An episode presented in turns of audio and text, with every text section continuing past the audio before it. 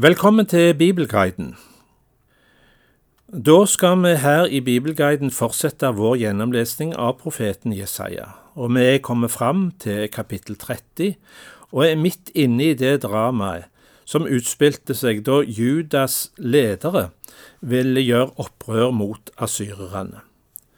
Judariket var på den tida en vasallstat under Asyria, og nå ville ei gruppe i hemmelighet planlegge et opprør og vende seg til Egypt for hjelp. Dette advarer nå profeten sterkt mot. Egypt kan ikke gi den trygge hjelp Jerusalem trenger. Søk ikke hjelp hos noen som ikke kan hjelpe. Vi leser de fem første versene i kapittel 30. Ved de trassige barna, sier Herren. De gjennomfører planer som ikke er fra meg, avslutter forbund som ikke er i min ånd.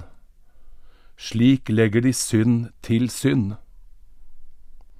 De drar ned til Egypt for å søke vern hos farao og finne ly i skyggen av Egypt, men de spør ikke meg om råd. Men faraos vern skal bli til skam for dere. Ly i skyggen av Egypt skal bli til vanære. For stormennene er i Soan, og sendemennene har nådd fram til Hanes. Men de blir alle til skamme hos et folk som ikke kan hjelpe dem, som verken er til hjelp eller nytte, men bare til skam og vanære. I de neste to versene så leser vi et budskap til utsendingene som er dratt til Egypt for å få hjelp. Disse utsendingene sammenlignes med dyr som nå drar med sine gaver gjennom den farlige ørkenen til landet i sør. Profeten får beskjed om å skrive ned dette budskapet, slik at det kan etterprøves seinere. Jesaja kapittel 30 vers 6 til 8. Budskap om dyrene i Negev. Gjennom et land med nød og trengsel, løver og løvinner, hoggorm og flygende serafslanger fører de sin rikdom på eselrygg, sine skatter på kamelpukler til et folk som ikke kan hjelpe. Egypt er forgjengelig, hjelpen forgjeves. Derfor kaller jeg landet Rahab brakt til ro. Gå nå inn og skriv dette på en tavle for dem. Skriv det inn i en bokrull så det for kommende dager kan være et vitnesbyrd til evig tid. Folkets egentlige synd og villfarelse er at det ikke ville ta imot Herrens ord og lyde Herrens lov. De forkasta ordet fra Gud. De ville være i fred og ikke uroes av profetens budskap. Fordi ordet som fundament i liv og samfunn er borte, så vil de falle sammen som en mur med sprekker. Ja, så ødelagt skal byen bli at det ikke finnes potteskår verken til å bære ild eller vann i. Vi leser versene 12 til 14. Derfor sier Israels hellige, dere forkastet dette ordet, stolte på vold og svik, og støttet dere til slikt. Derfor blir dere skyld, lik en sprekk som utvider seg i en høy mur, til muren plutselig, på et øyeblikk, faller sammen og blir knust. Den blir knust slik et leirkar blir slått i stykker og ikke tatt vare på. Blant stykkene finnes det ikke ett skår som kan brukes til å hente glør fra ildstedet eller til å øse vann fra brønnen. Så skal vi lese en kjent og kjær veiledning fra Gud, noe som har fulgt Guds folk opp gjennom hele historien. Styrken vi trenger i livet, den finnes hos Gud, i stillhet og tillit. Men folket ville ikke vende om, de velger heller å rømme bort ifra Gud, men det går ikke bra. Gud kaller så igjen med lengsel og kjærlighet på de gjenstridige folk. Vi hører kapittel 30 vers 15 til 18.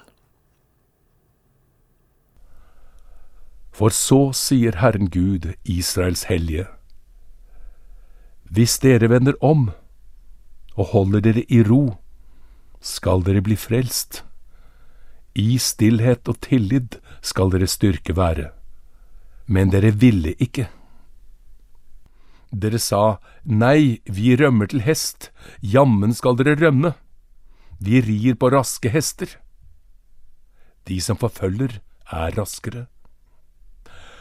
Tusen skal flykte når én mann truer.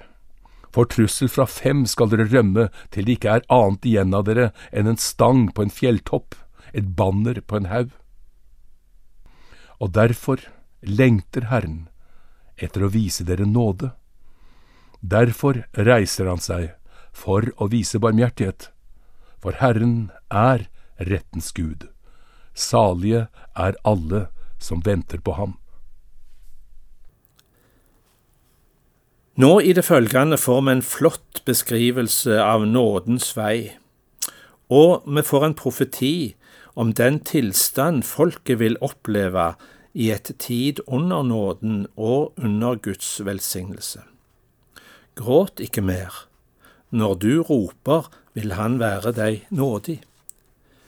Guds folk vil oppleve nødens brød og trengselens vann, men det kommer et underlig løfte om en lærer som skal lære folket den rette vei. Denne lærer er den rette profet, men det er òg en betegnelse på den store lærer som en gang skal komme, Messias, han som sa om seg sjøl at han er veien, sannheten og livet. Når folket går på den rette vei, fører det òg til velsignelse og gode avlinger. Igjen møter vi konturen av den paradisiske tilstand som venter oss i det fullkomne Guds rike. Vi leser versene 19 til 26 om den rette vei. Du folk på Sion, du som bor i Jerusalem, gråt ikke mer. Når du roper, vil han være deg nådig. Når han hører, vil han svare deg. Herren gir dere nødens brød og trengselens vann.